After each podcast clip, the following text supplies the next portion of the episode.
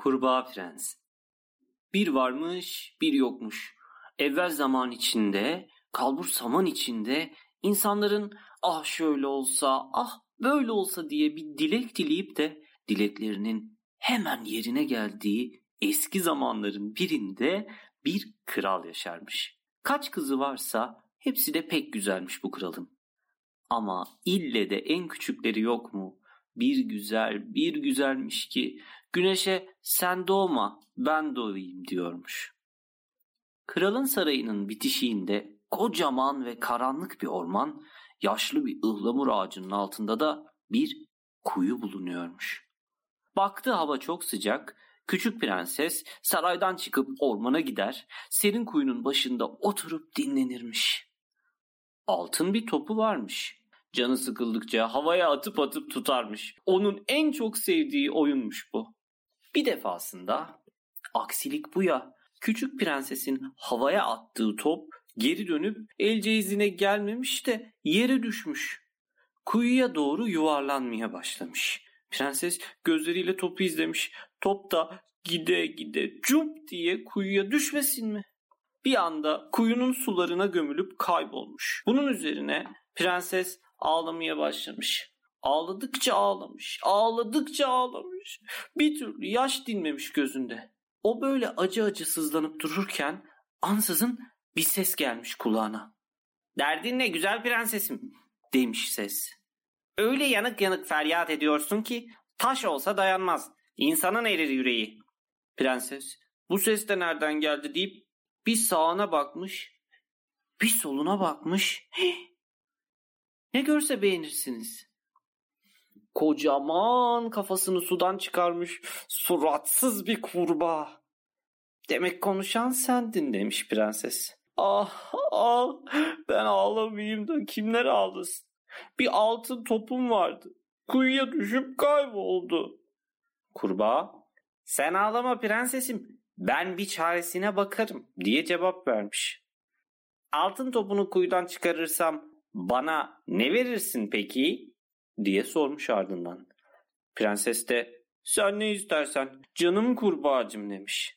Giysilerimi mi istersin? İncilerimi, mücevherlerimi yoksa başımdaki şu altın tacı mı? Hepsi sana feda olsun.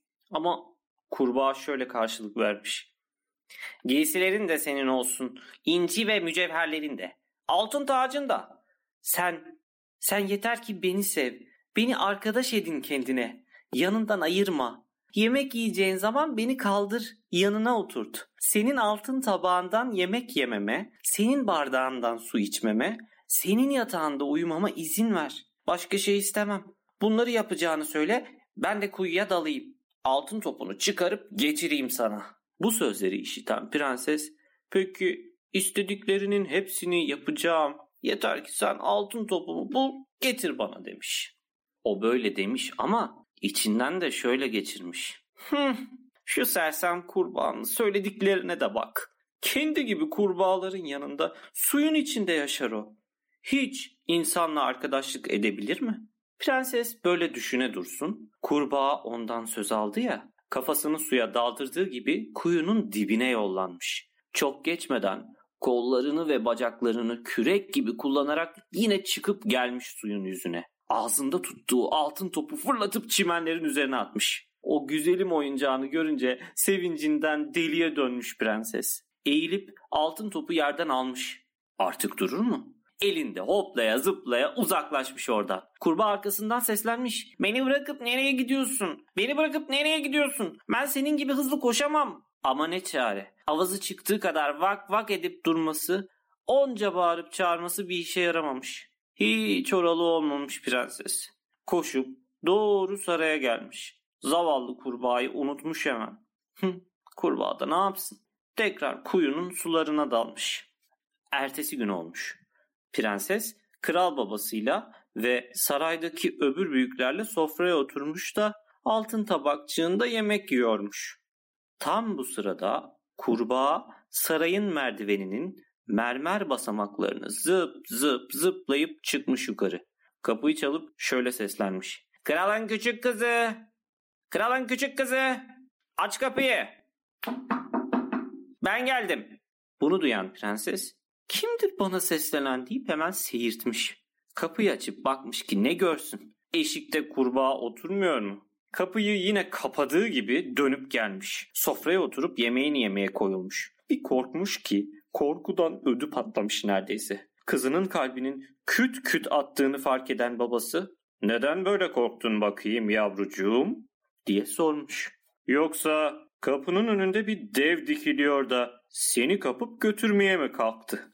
Prenses de cevap vermiş. E, ha- hayır babacığım dev falan değil. Suratsız bir kurbağa. Hmm, peki ne istiyormuş senden? Sorma babacığım. Dün ormanda kuyu başında oynuyordum. Birden altın topum suya düştü. Ben de ağlamaya başladım. Bu kurbağa da kuyuya dalıp topumu çıkardı verdi bana. Karşılığında da ille benimle arkadaş ol diye diretti. Ben de pek iyi dedim. Ama onun sudan çıkıp buraya kadar gelebileceği hiç aklıma gelmemişti. İşte şimdi kapıya dayanmış kendisini içeri almamı istiyor. Prenses böyle söyler söylemez yeniden kapı vurulmuş ve dışarıdan kurbağanın sesi gelmiş. Kralın kızı, kralın küçük kızı. Gireyim aç da kapıyı. Unuttun mu dün bana ne söz vermiştin hani? Serin kuyunun başında. Kral kızı, kralın küçük kızı. Gireyim aç da kapıyı. Bunun üzerine kral, madem söz vermişsin, sözünü tutacaksın. Hadi git aç kapıyı demiş. Prenses de ister istemez gidip açmış kapıyı ve kurbağayı içeri almış. Prensesin peşine takıldığı gibi hoplaya zıplaya onun oturduğu sandalyeye kadar gelmiş. Sonra başını kaldırıp şöyle demiş prensese. Beni kaldır da yanına oturt. Beni kaldır da yanına oturt. Prenses kurbağanın dediğini yapmaya yanaşmayınca kral babası emretmiş. Prenses de eğilip kurbağayı yerden kaldırmış. Yanı başına sandalyeye oturtmuş. Oturtmuş ama bu sefer de kurbağa masanın üzerine çıkmak istemesin mi? Masanın üzerine çıkartılınca da prensese demiş ki şu altın tabakçığını biraz yaklaştır da seninle aynı tabaktan yiyelim. Prenses kurbağanın istediğini yapmış yapmaya ama seve seve yapmadığı her halinden belliymiş. Kurbağa afiyetle yiyip içmiş. Bir güzel doyurmuş karnını. Prensesin ise lokmalar boğazına dizilmiş. Sonunda kurbağa şöyle söylemez mi? Eh, karnım doydu. Pek de yorulmuşum. Beni kucağına al da odacığına götür. İpek yatakçığını yap, birlikte yatıp uyuyalım. Bunu duyan prenses ağlamaya başlamış. Çirkin kurbağadan korkuyor. Kar gibi beyaz yatakçığında kendisiyle yatmak isteyen soğuk ve sevimsiz hayvana el sürmekten çekiniyormuş. Bunu gören kral babasının kafası kızmış. Demiş ki başın dara düştü de sana yardım elini uzatmadı mı bu hayvancık? Onu nasıl küçümsersin? Prenses bakmış olmayacak kurbağayı iki parmağının ucuyla tutup odacığına çıkarmış ve bir köşeye bırakmış. Bırakmış ama kendisi yatar yatmaz kurbağa da hoplaya zıplaya yatağa yaklaşmış ve şöyle demiş. Pek yorulmuşum. Ben de senin gibi uyumak istiyorum. Kaldır beni, yanına al. Yoksa kral babana söylerim, karışma. Bunun üzerine tepesi atmış prensesin. Kurbağayı tuttuğu gibi var gücüyle duvara çalmış. Şimdi de konuş bakayım. Seni ilaç kurbağa seni demiş. Ama kurbağa yere düşer düşmez kurbağa kılığından sıyrılıp gözlerinin içi gülen yakışıklı bir prens çıkmamış mı? Kral da kızını bu prensle evlendirmiş. Onu damat yapmış kendine. Meğer hınzır bir cadı prensi büyüleyip kurbağa kılığına sokmuşmuş. Şimdiye kadar da kimse büyüyü bozup onu kuyuda yaşamaktan kurtaramamış.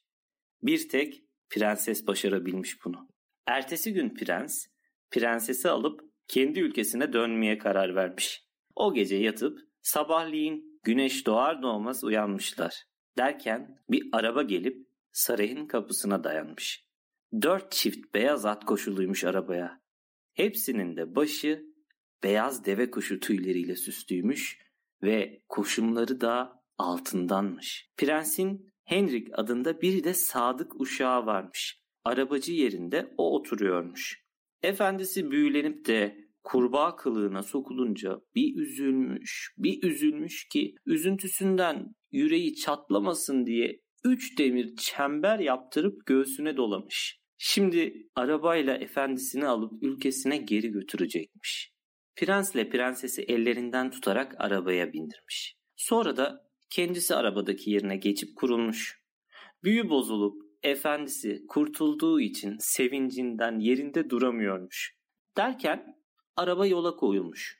Biraz gitmişler. Ansızın prens arkadan gelen bir çatırtı işiterek uşağına seslenmiş. Henrik araba parçalanıyor. Sadık uşağı da cevap vermiş. Araba çatırtısı değil prensim. Siz kurbağa kılığında yaşayıp giderken kuyuda acıyla kıvranan yüreğimi saran çemberlerden biri derken biraz daha gitmişler. Yine bir çatırtı işitmiş prens. Biraz daha yol almışlar. Bir çatırtı daha. Prens her seferinde sanmış ki araba parçalanıyor. Oysa çatırdayan sadık uşağı Henrik'in göğsündeki demir çemberlermiş. Büyü bozulup da efendisi esenlik ve mutluluğa kavuştuğu için çemberler birer birer parçalanıp düşüyormuş göğsünden.